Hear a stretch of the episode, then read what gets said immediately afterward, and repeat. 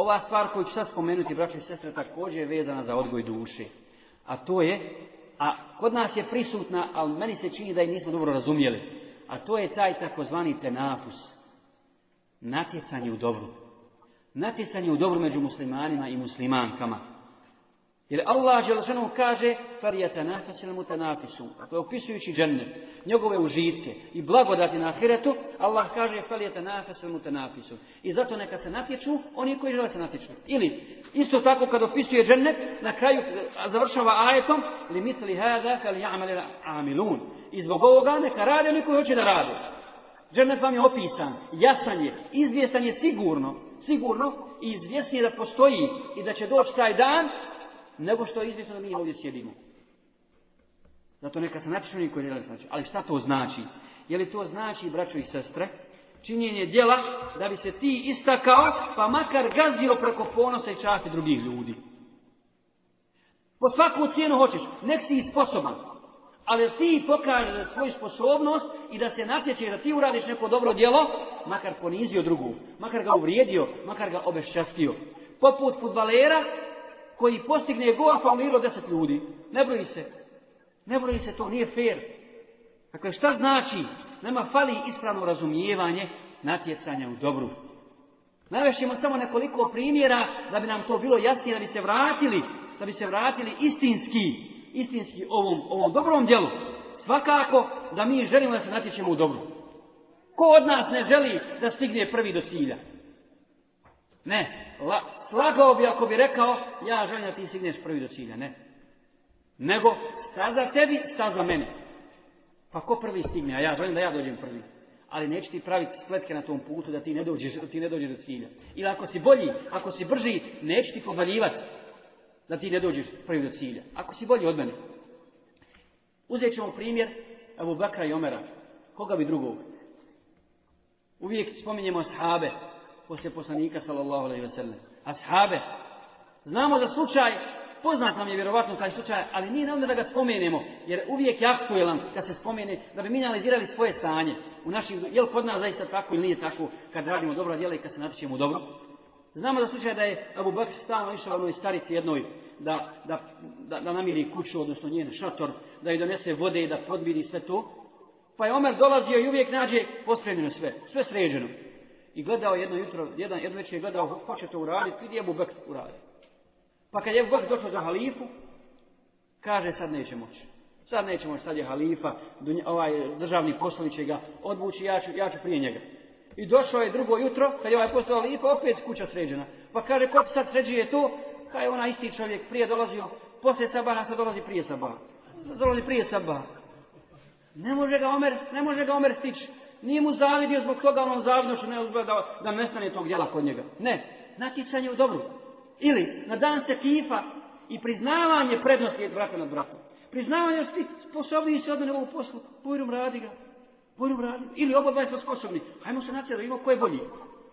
To je dozvoljeno u islamu i preporučeno. Na dan se kifa, borbe protiv, protiv, protiv neprijatelja, kaže Abu Bakr Omeru, Omere pruži ruku.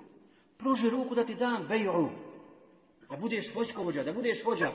Kaže Omer, vallahi, volio bi da mi glavu odvoji od trupa, nego da budem emir u vojsci u kojoj je Ebu Nego da ja budem vojskovođa, u nije, nije, nije, jedva dočekao. Pa e, ja sam i zaslužen, ja sam bolji od tebe, ja ću biti emir. A mi se gložimo danas oko toga, vallahi, i to je veliki problem kod nas. I ja ne vidim da je kod nas veći problem danas od toga. I kod džemata koji su bradati, i koji su pod nikabima, i koji su shvatili Kur'an i sunnet, gdje je problem? Problem je ko će biti emir. Ko će biti vođa? Tu se gložimo oko toga, ako hoćemo istini da pogledamo u oči. Ako hoćemo istini, i tu, su i tu nas šeitan dobija. Valullahi nas tu šeitan dobija i zbog toga čak imamo nekakav oružan osjećaj prema bratu koji je iz druge organizacije, iz drugog džemata. Iz... Pa isto, ista stvar. Za isto se borimo, isto pričamo. A stvari nisu u redu. Zbog čega? Pa zbog čega ona nije u redu? U nama je problem. Jel to Allah zulum čini nekome? U nama je problem. Znači, zbog toga, zbog nerazumijevanja ovog tenafusa, i natjecanja u dobru. Natjeca i priznavanja nekoga kada uradi čovjek dobro. Islam je ravan. Ako si uradio loše, savjetovat ćete onako kako Allah od nas traži. Lijepo. Nećete sramotiti. Nego pogriješio si. povriješio si tako. Ako si uradio dobro djelo, nek te Allah nagradi. To je prava stvar. Dakle, musliman mora biti takav. Ili, primjer, primjer sljedeći. Kada poslanik sallallahu traži da se za džihad da i metak, donose ljudi, Osman daje stotinu deva, Abdurrahman Daf daje toliko metka, Omer dolazi i daje pola metka i odmah kad je spustio imetak i blago svoje koje imao kaže Ja Rasulallah koliko je dao mu ga? Kaže dao je sami metak? E kaj ne mogu ga preteći Ne mogu ga nikako preteći. To je istinsko nati. Zato im Allah dao bereket. Zato su uspjeli. Zato su uspjeli u svojoj dani, u svome životu. I vallahi, kad god se upitamo što nam dava stagnira, što, što zaostajemo, što ljudi neće da prihvati, pitajmo se prvo je li u nama problem. Mi uvijek govorimo o problemu u drugima. Neće, džahili su, ovakvi su, onakvi su. Kako im pristupaš? Kako im prilaziš? Kaka, kakav je tvoj odnos prema njima? Kako je tvoje razumijevanje, prema, kako je tvoje razumijevanje njihovog načina života? Misliš da neko živi u zbog toga što mu je lijepo, što mu je drago, da neko pije zato što voli da pije alkohol. Ne, da se neko drogira što voli da se drogira. Ne zna puta. Ne zna puta. Da bi Allah ukazao na pravi put i neće da mu priđeš. Odmah granica koja je nepre, nepremostiva. Ne dozvoli to sebi. Zatim, Halid ibn Velid, šta je uradio Omer radi Allah kad je, kad je došao za, za halifu?